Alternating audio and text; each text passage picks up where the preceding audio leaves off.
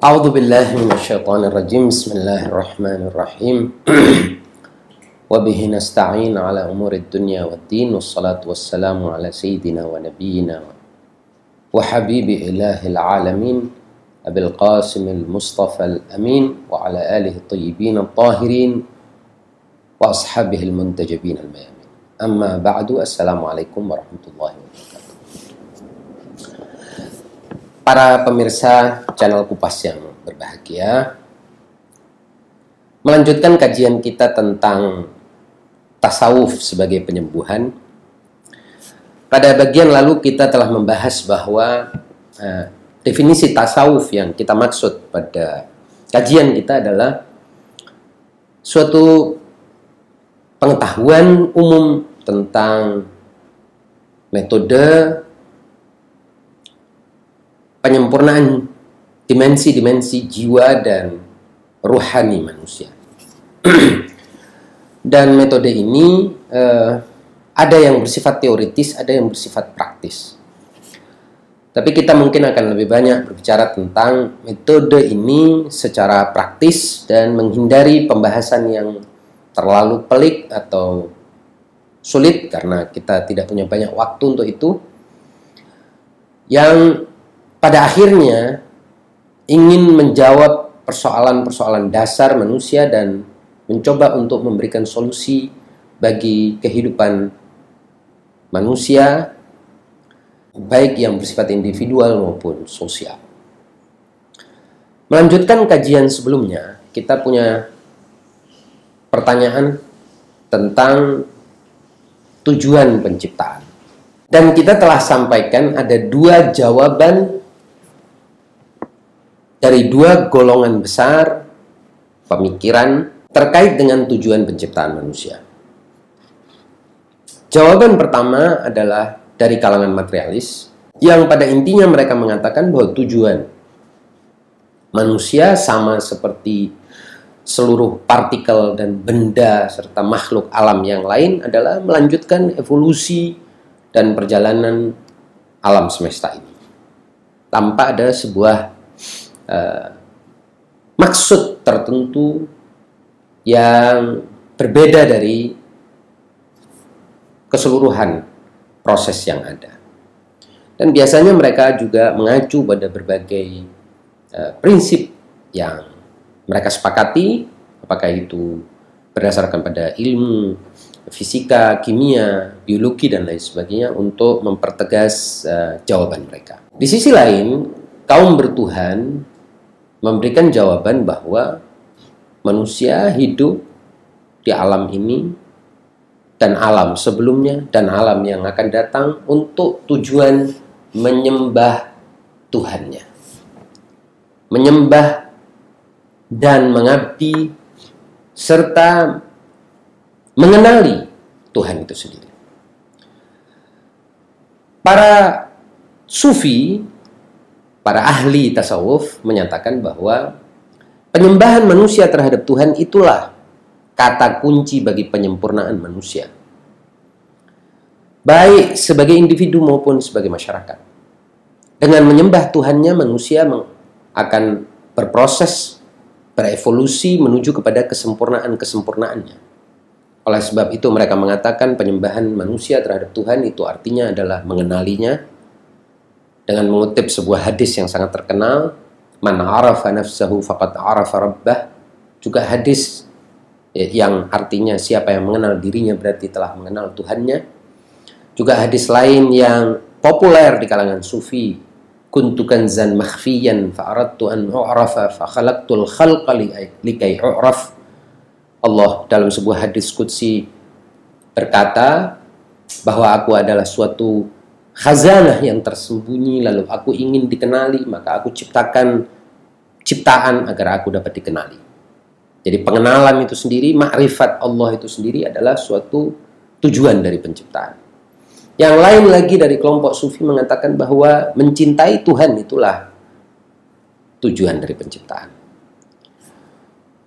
Meski bahasa dan istilah yang mereka pakai itu berbeda-beda tapi tetap substansinya sama yaitu ada satu titik agung, satu zat kudus yang kepadanya lah kita akan menuju dan karena memang dari dari dialah kita berasal. Dan para sufi mengatakan bahwa kita ini adalah tajalli-tajalli atau pancaran-pancaran dari cahaya asli ilahi atau bayang-bayang dari cahaya asli ilahi. Biasanya kemudian mereka menyebutkan beberapa ayat Al-Quran karena tasawuf yang kita maksud di sini tentu adalah berdasarkan pada khazanah pemikiran Islam dan sumber utama pemikiran Islam adalah Al-Quran dan Sunnah Nabi. Biasanya ayat yang mereka pakai itu adalah ayat dalam surah Al-Imran ayat 191 di mana Allah berfirman alladzina yadhkuruna Allah qiyaman wa qu'udan wa ala junubihim wa yatafakkaruna fi khalqis samawati wal ardi rabbana ma khalaqta hadha batila. Subhanaka fakina adzabannar. Dalam ayat ini Allah berfirman tentang orang-orang yang mengingat Allah sambil berdiri dan atau duduk atau dalam keadaan berbaring dan mereka memikirkan tentang penciptaan langit dan bumi. Seraya berkata Ya Tuhan kami, tiadalah engkau menciptakan ini dengan sia-sia. Biasanya kata sia-sia ini dilawankan dengan kata al-haq, yaitu suatu yang dalam bahasa Arab, suatu kata yang memiliki sejumlah arti.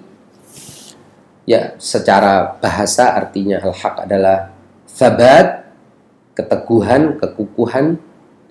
Lalu secara istilah al-haq mengungkapkan hakikat keteguhan dan kekukuhan. Di antara pengertian al-haq dalam penggunaan adalah dalam kaitan dengan Allah al-haq berarti wujud yang niscaya ada. Dalam kaitan dengan kepercayaan al-haq berarti kepercayaan yang lurus dan benar, lawan dari kepercayaan yang batil dan menyimpang. Tiga, dalam kaitan dengan perkataan al-haq berarti kejujuran yang sesuai dengan kenyataan. Empat dalam kaitannya dengan tindakan al-haq berarti tindakan yang bernilai dan bertujuan dan dengan demikian tindakan itu bijaksana. Dan yang kelima, al-haq ada kalanya digunakan dalam arti hak. Hak dalam pengertian ham, hak asasi atau right dalam bahasa Inggris. Seperti dalam konteks hak asasi manusia, hak milik, hak guna, hak pakai, hak rakyat dan hak penguasa dan lain sebagainya. Lawan dari kata al-haq dalam pengertian keempat ialah abath yaitu kesia-siaan.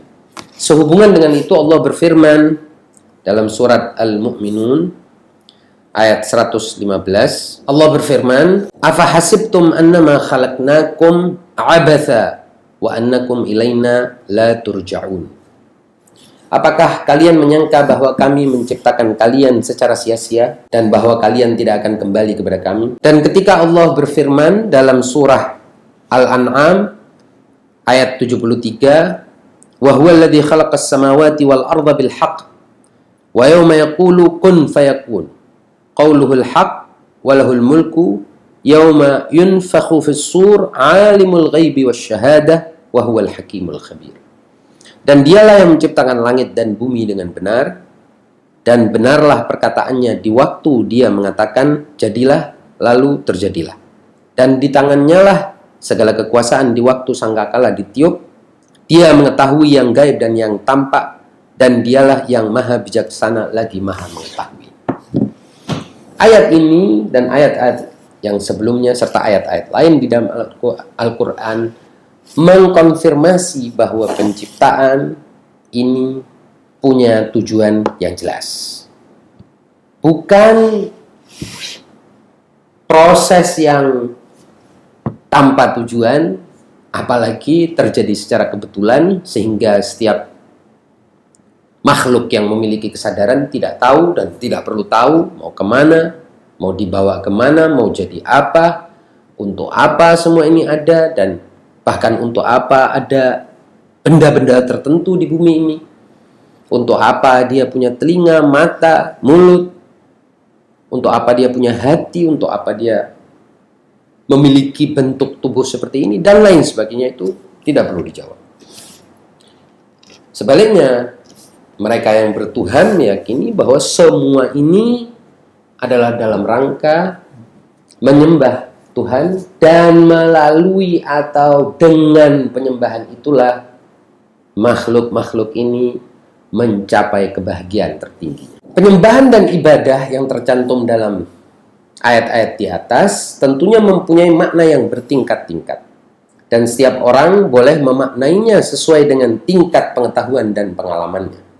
Dalam bahasa saintis, ibadah ini barang mungkin berarti evolusi tetapi tidak dalam pengertian yang materialistis mata-mata dan kemudian dalam pengertian lain juga ibadah ini artinya adalah mengetahui, mengenali Tuhan dan menggerakkan segala macam potensi di dalam dirinya untuk menyembah zat yang tunggal itu.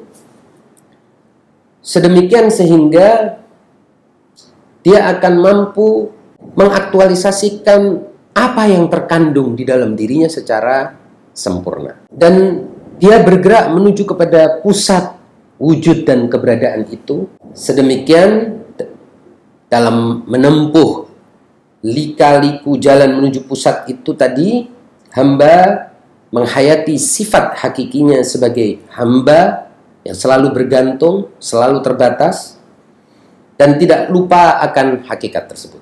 Begitulah misalnya kita bisa baca dalam kata-kata Ali berikut Ali bin Abi Thalib, Imam Ali berikut ini, siapa saja yang dengan cara apa pun memusatkan seluruh perhatiannya dan memutar otaknya untuk mengetahui bagaimana caramu menegakkan arshmu, bagaimana kau ciptakan segala ciptaanmu, bagaimana kau bentangkan bumi di atas gelombang air. Siapa saja yang berusaha mengetahui semua itu, pandangannya pasti akan kembali dengan kegagalan. Dalam keadaan letih, lesu, akalnya tercengang, terpesona, pendengarannya kebingungan dan pikirannya terheran-heran. Kata-kata ini ingin menunjukkan kepada kita bahwa penghambaan kepada Allah Subhanahu wa taala zat yang tidak terbatas dan mutlak itu dapat berpengaruh di dalam dada sang hamba yang menyembahnya dengan berbagai perasaan, pengaruh ketakjuban, keterpesonaan dan perasaan di satu sisi ketakjuban tapi di sisi lain kengerian melihat kedahsyatnya dan agungnya Tuhan tersebut. Sebagaimana yang dikatakan oleh Allah di dalam surat Al-Mulk ayat 4, kemudian pandanglah sekali lagi niscaya penglihatanmu akan kembali kepadamu dengan tidak menemukan sesuatu yang cacat dan penglihatanmu itu pun dalam keadaan payah. Nah, menurut para sufi, dalam menapaki jalan menuju Allah, manusia akan menemukan sifat-sifat jalaliyah atau sifat-sifat keagungan Allah dan jamaliyah, yaitu sifat-sifat keindahan Allah. Kedua, kedua kategori sifat ilahi ini akan melahirkan keseimbangan antara ketakjuban dan keakraban, ketakutan sekaligus harapan sang hamba kepada Allah Subhanahu wa taala. Ini berimplikasi bahwa hamba harus selalu membangun hubungannya dengan Allah secara seimbang. Hamba harus takut kepada Allah tetapi tidak berputus asa kepadanya.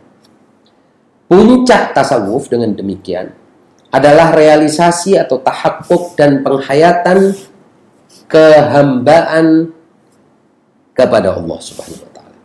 Dalam mencapai kehambaan itu sebagian sufi menekankan ketakutan sementara sebagian lain seperti Jalaluddin Rumi, Ibn Arabi, Sa'di, Hafiz dan lain sebagainya menekankan pada kecintaan. Mungkin tergantung sebagian orang wataknya seperti apa. Ada yang perlu ditakut-takuti dan ini kembali kepada setiap pesuluk itu sendiri atau setiap hamba itu sendiri untuk mengetahui mana kadar yang lebih dia perlukan. Apakah dia memerlukan dosis ketakutan yang lebih atau dia justru lebih pas dalam menghamba dan mencapai uh, apa puncak-puncak uh, kesempurnaan itu menggunakan cinta. Penekanan ini, apakah penekanan cinta maupun ketakutan, lagi-lagi sangat terkait dengan tingkat pemahaman dan pengalaman kita masing-masing menuju kepada Allah. Oleh, oleh sebab itu, tasawuf Islam mengajarkan kepasrahan kepada Allah. Dan dalam keadaan pasrah inilah hamba akan merasa damai. Ini kepasrahan itu adalah taslim, damai itu adalah salam yang semuanya itu berasal dari satu kata yang sama atau akar kata yang sama. Ketika menemukan sisi menakutkan dan sisi yang melahirkan cinta kepada Allah. Jadi dengan pasrah dia akan menemukan damai. Damai pada saat menemukan sisi yang menakutkan dari sifat-sifat keagungan Allah, juga damai saat dia rasa melahir, sisi yang melahirkan cinta kepada Allah. Kepasrahan adalah syarat mutlak bagi manusia untuk dapat mempertahankan perilaku baik di dunia dan hati damai atau kalbun salim saat berjumpa dengan Allah. Demikianlah sekilas tentang metode sufi atau metode, metode tasawuf dalam menjalankan misi mendekati sang zat yang maha kudus itu. Tentu ada banyak tema lain yang terkait dengan masalah ini, tapi pada dasarnya mereka atau tasawuf mengajarkan bahwa manusia bisa menuju kepada Allah hanya apabila dia menyadari tentang kehambaannya. Lalu bagaimana kesadaran itu akan muncul di dalam dirinya? Apakah berbentuk ketakutan sehingga dia akan terus terpacu dan terpicu dan terlecut untuk tidak melalaikan Allah atau dalam bentuk cinta sehingga dia selalu dalam keadaan mabuk kasmaran dengan Allah itu tergantung pada watak, temperamen dan juga sang pesuluk itu sendiri yang harus mengukur mana yang harus mempengaruhi jiwanya. Hanya dengan menghamba kepada Allah lah manusia akan mencapai kepada kesempurnaan-kesempurnaan dimensi-dimensi lain selain dari dimensi tubuhnya. Bahkan dimensi ragawinya pun akan dia sempurnakan dengan menyempurnakan dimensi-dimensi jiwa dan rohaninya. Demikian uh, apa yang bisa saya sampaikan.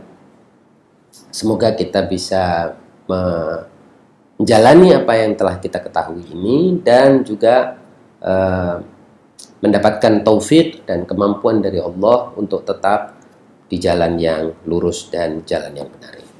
سبحان ربك رب العزة عما يصفون وسلام على المرسلين والحمد لله رب العالمين والسلام عليكم ورحمة الله وبركاته.